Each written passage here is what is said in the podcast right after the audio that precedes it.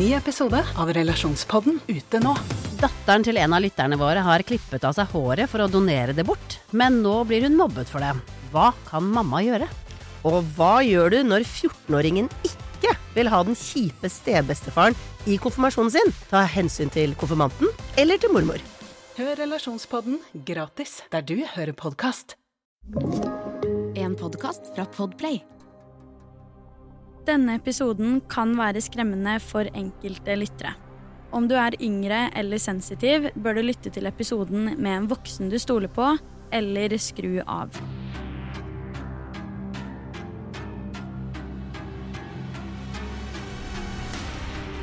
I denne ukens episode skal jeg for første gang på en stund ta for meg en norsk sak, og dette er også en sak jeg har lest mye om i mange år.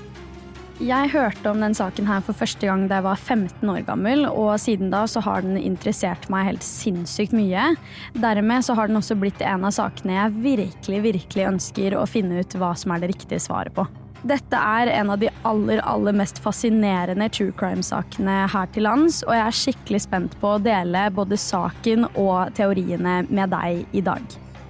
Denne saken kan på mange måter sammenlignes med Plaza-kvinnen, i form av at offeret ikke er identifisert, og vi aner heller ingenting om hvorfor hun var i Norge, hvem hun møtte, eller hva i all verden det er som skjedde med henne. Denne ukens sak finner sted i Isdalen, som er en dal i Bergen der det er vanlig for folk å gå turer. Vi skal snakke om gåten i Isdalen, eller mer spesifikt Isdalskvinnen. Se for deg at du er ute og går tur en helt vanlig søndag. Du har kanskje en varm termos med kakao i sekken, en Kvikk Lunsj i hånda, og du er på tur med familien din. Plutselig får du og turfølget ditt øye på en kvinneskikkelse liggende i en steinrøys litt ved siden av der du går. Du hadde jo blitt vettskremt og i sjokktilstand. Vel, det var det her som skjedde med en professorfar og hans to døtre den 29. november 1970. De var nemlig ute på søndagstur i Isdalen da de helt uforberedt får øye på et utbrent og nakent kvinnelik som lå i steinrøysa på en sti litt lengre bort. Alt av merkelapper på klær og sko er enten klippa eller skrapt bort, og det er ingenting på åstedet ellers som kan si oss noe som helst om kvinnens identitet. Nå, snart 52 år senere, er den saken her fremdeles uløst. Det neste naturlige steget var selvfølgelig å ringe til politiet, så det er det faren som oppdaget liket, gjorde. Til og med kriminalteknikerne som kom til åstedet, ble forbauset av synet, for dette var noe helt utenom det vanlige, og noe man aldri før hadde sett. Herfra begynner det en etterforskning umiddelbart, og dette er det som skal bli starten på en av de største og mest omtalte uløste kriminalsakene i Norge. Som alltid i saker der politiet er nødt til å finne dødsårsaken, så blir det utført en obduksjonsundersøkelse. Denne undersøkelsen viser at Isdalskvinnen døde av en pilleoverdose samt kullosforgiftning fra flammene hun var blitt utsatt for. I første omgang ble dødsfallet til kvinnen avskrevet som selvmord, men den årsaken har fått mengder med kritikk, da det ser ut til å være veldig få som genuint tror på at det her var et selvmord.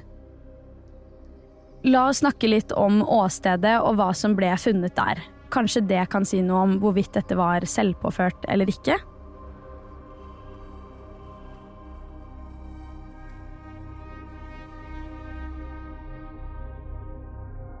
I blodet til Isdalskvinnen ble det funnet spor av noen piller, og i tillegg fant de rundt tolv piller i magesekken hennes, som da ikke var oppløst.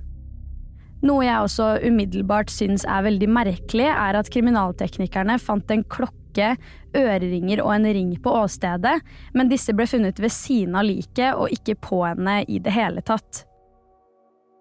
Det ble også funnet en paraply ved siden av henne, sammen med noe mat og kaker av noe slag. Dette åstedet får det jo til å se ut som at Isdalskvinnen egentlig bare har vært ute på en søndagstur, hun også. Det er også merkelig at det ikke var noe annet rundt som var brent, det var kun liket til Isdalskvinnen. Det betyr jo at hun enten må ha tent på seg selv, eller at noen andre har gjort det. På jernbanestasjonen i Bergen var det noen kofferter som var blitt gjenglemt, og ingen eier kom noen gang for å hente dem. Kriminalteknikerne gjorde da noen undersøkelser av koffertene, og ved hjelp av fingeravtrykk funnet på koffertene, så klarte man å finne ut at de tilhørte den nå avdøde kvinnen. I koffertene fant kriminalteknikerne generelt veldig sofistikerte klær og eiendeler, som kanskje kan peke på at hun var i Bergen gjennom en eller annen form for jobb. I tillegg finner de flere parykker og også briller som ikke hadde styrke i seg. Personlig syns jeg jo det her er utrolig merkelig. Det her ser jo ut som en person som er på reise kun med eiendeler og antrekk som kan endre utseendet drastisk. I så fall, hva er det som er grunnen hennes for å gjøre det her? Var hun i Norge eller Bergen hemmelig? Uansett så er det fremdeles ingenting som kan gi oss noen indikasjon på hvem denne kvinnen egentlig er. I den ene kofferten finner kriminalteknikerne også en notatbok som inneholdt mange håndskrevne koder. Det tok litt tid for dem å finne ut akkurat hva disse betydde, men etter hvert klarer kriminalteknikerne å finne ut at disse kodene egentlig var stedsnavn, og at det notatboka egentlig inneholdt, var en veldig omfattende reiseplan, så nå hadde politiet og kriminalteknikerne fullt innsyn i hvor Isdalskvinnen hadde beveget seg i løpet av den siste tiden. Igjen, hvorfor ønska hun å skjule hvem hun var, og hvor var det hun skulle? I Norge har Isdalskvinnen nå beveget seg mellom Bergen, Stavanger, Oslo og Trondheim, men hun har også vært i flere andre byer i Europa, bl.a. Hamburg, Paris og Basel. Etterforskerne prøvde jo nå å finne ut av alt de kunne, så de forsøkte å finne ut hvilke hoteller hun hadde sjekket inn på, og nå skal det komme frem noe enda merkeligere. Det skal vise seg at Isdalskvinnen har sjekka inn på hoteller i hele Europa med åtte forskjellige navn. Hun har hatt med seg åtte ulike pass for å få til det her, og det skal vise seg at alle sammen er 100% falske identiteter, hver eneste en av dem. Altså, det her er jo en dame som virkelig har gått inn for å ikke skulle bli spora opp på noe vis, men hva i all verden er det som er grunnen til det, og hvem var det hun var? Videre i etterforskningen blir også Isdalskvinnen meldt inn til Interpol på bakgrunn av informasjonen om at hun hadde beveget seg rundt i Europa den siste tida. Interpol er da en internasjonal organisasjon som skal hjelpe med politisamarbeid på tvers av landene som da er en del av organisasjonen. Gjennom Interpol blir hun da ettersøkt ved hjelp av fantomtegninger, ettersom det ikke fantes noen faktiske bilder av henne.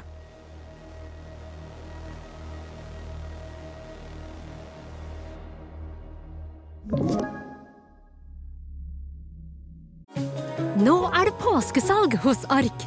Du får 30% på påskekrim og 40% på alle spill og puslespill. Jeg gjentar Ark har 30% på et stort utvalg krim og 40% på spill. Det er mye påske for pengene. Så hamstre påskekosen i nærmeste Ark-butikk eller på ark.no.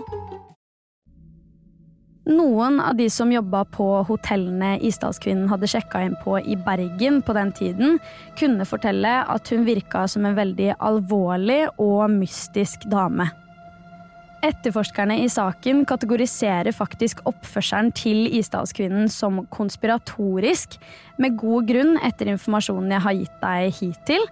Det virker jo som at hun hadde en baktanke med å reise rundt slik som hun gjorde. Isdalskvinnen gikk stort sett alltid i det samme. En hvit bluse og en sort bukse. Hun ble også beskrevet som veldig pen, og så anslår både vitner og obduksjonsteknikere at hun var i alderen 25 til 40 år. Hun hadde også mørkt, halvlangt hår og snakka både tysk, fransk og hadde også en veldig gebråken engelsk. Isdalskvinnen var slank og hadde brede hofter, står det i den ene etterlysningen, og så hadde hun brune øyne. Videre i etterforskningen tar også etterforskerne røntgenbilder av tennene til Isdalskvinnen. Og selv om disse bildene også da ble sendt rundt til andre i landet, og også internasjonalt, som da kunne undersøke det, så leda ikke det her heller noen sted. Etter noen uker med intens etterforskning, løse tråder og spor som ikke leder noen plass, så lukker politiet saken og konkluderer med at dette var et selvmord, som vi snakket om litt tidligere i episoden. Litt senere blir Isdalskvinnen begravet, og dette her er noe av det tristeste jeg har hørt.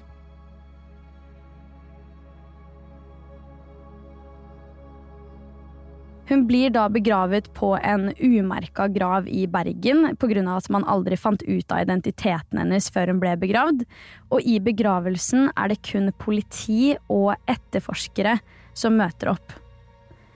Altså, kan du se for deg å dø på et så brutalt vis? Ingen familie eller nære kommer i begravelsen din fordi det ikke er sikkert at de engang vet om at du er død. Isdalskvinnen hadde virkelig en forferdelig trist skjebne, og det er helt grusomt å tenke på at en så alvorlig sak fremdeles ikke er løst i dags dato, og at det antageligvis er en familie der ute som har mista en datter, søster, kanskje ektefelle, mor eller venn, uten å vite noe om verken når eller hvor. I 2016 bestemte politiet seg for å ta opp saken på nytt og se om de kunne finne noe mer informasjon med ny DNA-teknologi og lignende. I årene etter er det også gjort en hel del andre undersøkelser for å finne ut mer om identiteten til Isdalskvinnen, og det er sånn man til slutt har klart å finne ut at Isdalskvinnen må ha blitt født før 1944, og de konkluderer faktisk med at hun antageligvis har blitt født i 1930 pluss-minus fire år. Det betyr at hun var rundt 40 år da hun ble funnet i Isdalen, og det er jo litt eldre enn man originalt trodde. Du husker kanskje jeg nevnte at det generelt var lite å finne ut når det kom til hvor isdalskvinnen var fra, men dette klarte de faktisk å finne ut av med helt ny teknologi i 2018.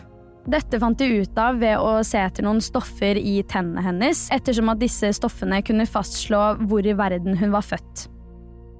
Vi visste allerede at hun var fra et eller annet sted i Europa, og at hun kunne flere europeiske språk, men nå kunne ny forskning vise at isdalskvinnen høyst sannsynlig var blitt født i Sørøst-Tyskland. Etterforskerne gjorde også analyser av håndskriften de fant i notatboka hennes, og på den måten klarte de å finne ut at hun mest sannsynlig hadde skriveopplæring i et fransktalende land. De konkluderer da med at isdalskvinnen antagelig har flytta til et sted på grensa mellom Tyskland og Frankrike i sine tidlige leveår. Dette er jo, som du hører, fremdeles en uløst sak, og det betviles jo om vi noen gang vil finne ut hvem denne kvinnen var, hvordan dette skjedde, og også hvorfor det skjedde. Men saker som denne blir jo gjerne også melka litt i media, og dermed oppstår det jo teorier om hva som kan ha skjedd. Til og med innad i politiet har det vært uenigheter om hvorvidt det var noe kriminelt innblanda eller ikke. Det er selvfølgelig mange forskjellige teorier der ute, bl.a. at hun var en israelsk spion, og en annen teori som sier at hun skulle besøke en eks i Norge helt undercover. Jeg finner ikke noe særlig essens i noen av de to, egentlig. Den om at hun var en israelsk spion, støtter jo ikke faktaene om at hun var europeer. Og dette med en eks i Norge høres jo bare virkelig ikke realistisk ut i mitt hode. Det gjør at vi i det store bildet står igjen med to hovedteorier, og dette er også de mest populære blant eh, politiet og også utenforstående, i hvert fall før de nye undersøkelsene kom på bordet. Den første er da at dette var et veldig unormalt utført selvmord, altså at hun har satt fyr på seg selv, men kanskje fått åstedet til å se ut som noe som peker i en annen retning. Den andre teorien går på at det er noe kriminelt som har skjedd, enten at hun var en spion og at hun ble drept pga. en eller annen konflikt i forbindelse med det. I denne teorien kan vi også legge inn dette med at hun antageligvis ble født i 1930. Isdalskvinnen skal faktisk ifølge NRK ha vært etterforska for spionasje tidligere, og det er flere vitner som mener å ha sett henne i tiden før hun døde, i forbindelse med typiske steder hvor man bedriver spionasje. NRK skriver at en høyere norsk offiser som jobbet i Nato, mente at han hadde sett Isdalskvinnen i restauranten på Nato-hovedkvarteret i Brussel noen år før hun ble funnet død i Isdalen. En Kripos-ansatt sier da til NRK i samme artikkel at dersom det stemmer at Isdalskvinnen ble født i 1930 eller et par år før, så betyr det at hun kan ha vært rundt 19 til 20 år da andre verdenskrig var over. Han fortsetter med at hun da ville vært i en god alder for å bli rekruttert som spion. I teorien om spionasje er det også mange som snakker om at hun kan ha vært en person som kjente folk innad i et spionasjemiljø, og at hun rett og slett bare visste altfor mye. Kan det ha seg at noen har vært etter henne, og at hun derfor var nødt til å flytte på seg hele tiden, og også opprettholde en anonym profil? Den siste teorien jeg tenker det absolutt er verdt å ta opp, er teorien som ikke egentlig oppsto før vi fikk vite om de nye analysene, altså da hvor hun antageligvis kommer fra og den slags. Det har seg nemlig sånn at nå som etterforskerne justerte den anslåtte alderen til hun var født da i 1930, så gjør det at det faktisk er mulig at Isdalskvinnen, i likhet med veldig mange andre på den tiden, kan ha vært nødt til å flytte på seg da hun var liten, Eksempelvis i 1933, da Hitlers parti kom til makta i Tyskland. Det er helt utrolig mange sammenhenger i den saken her, og jeg tror at jo lengre ned man kommer i materie på saken, jo større og mer blir det. Det er uansett flust av teorier der ute, og jeg er sikker på at noen av dere som lytter, sitter med egne tanker om denne saken. Så hva tror du skjedde med Isdalskvinnen? Var hun en hemmelig spion som ble tatt? En tilfeldig person som visste for mye, eller kanskje noe helt annet. Uansett hva du tror, så send meg gjerne teoriene og refleksjonene dine på Instagram, der jeg heter Forsvinningsfredag. Du har hørt Forsvinningsfredag podkast med meg, Sara Høydahl. Og dersom du har lyst til å høre om enda flere true crime-saker, så kan du også sjekke meg ut på YouTube, der jeg heter Sara Høydahl. Uansett så kommer det en helt ny Forsyningsfredag podkast-episode allerede neste fredag. Og i mellomtiden, ta vare på deg selv.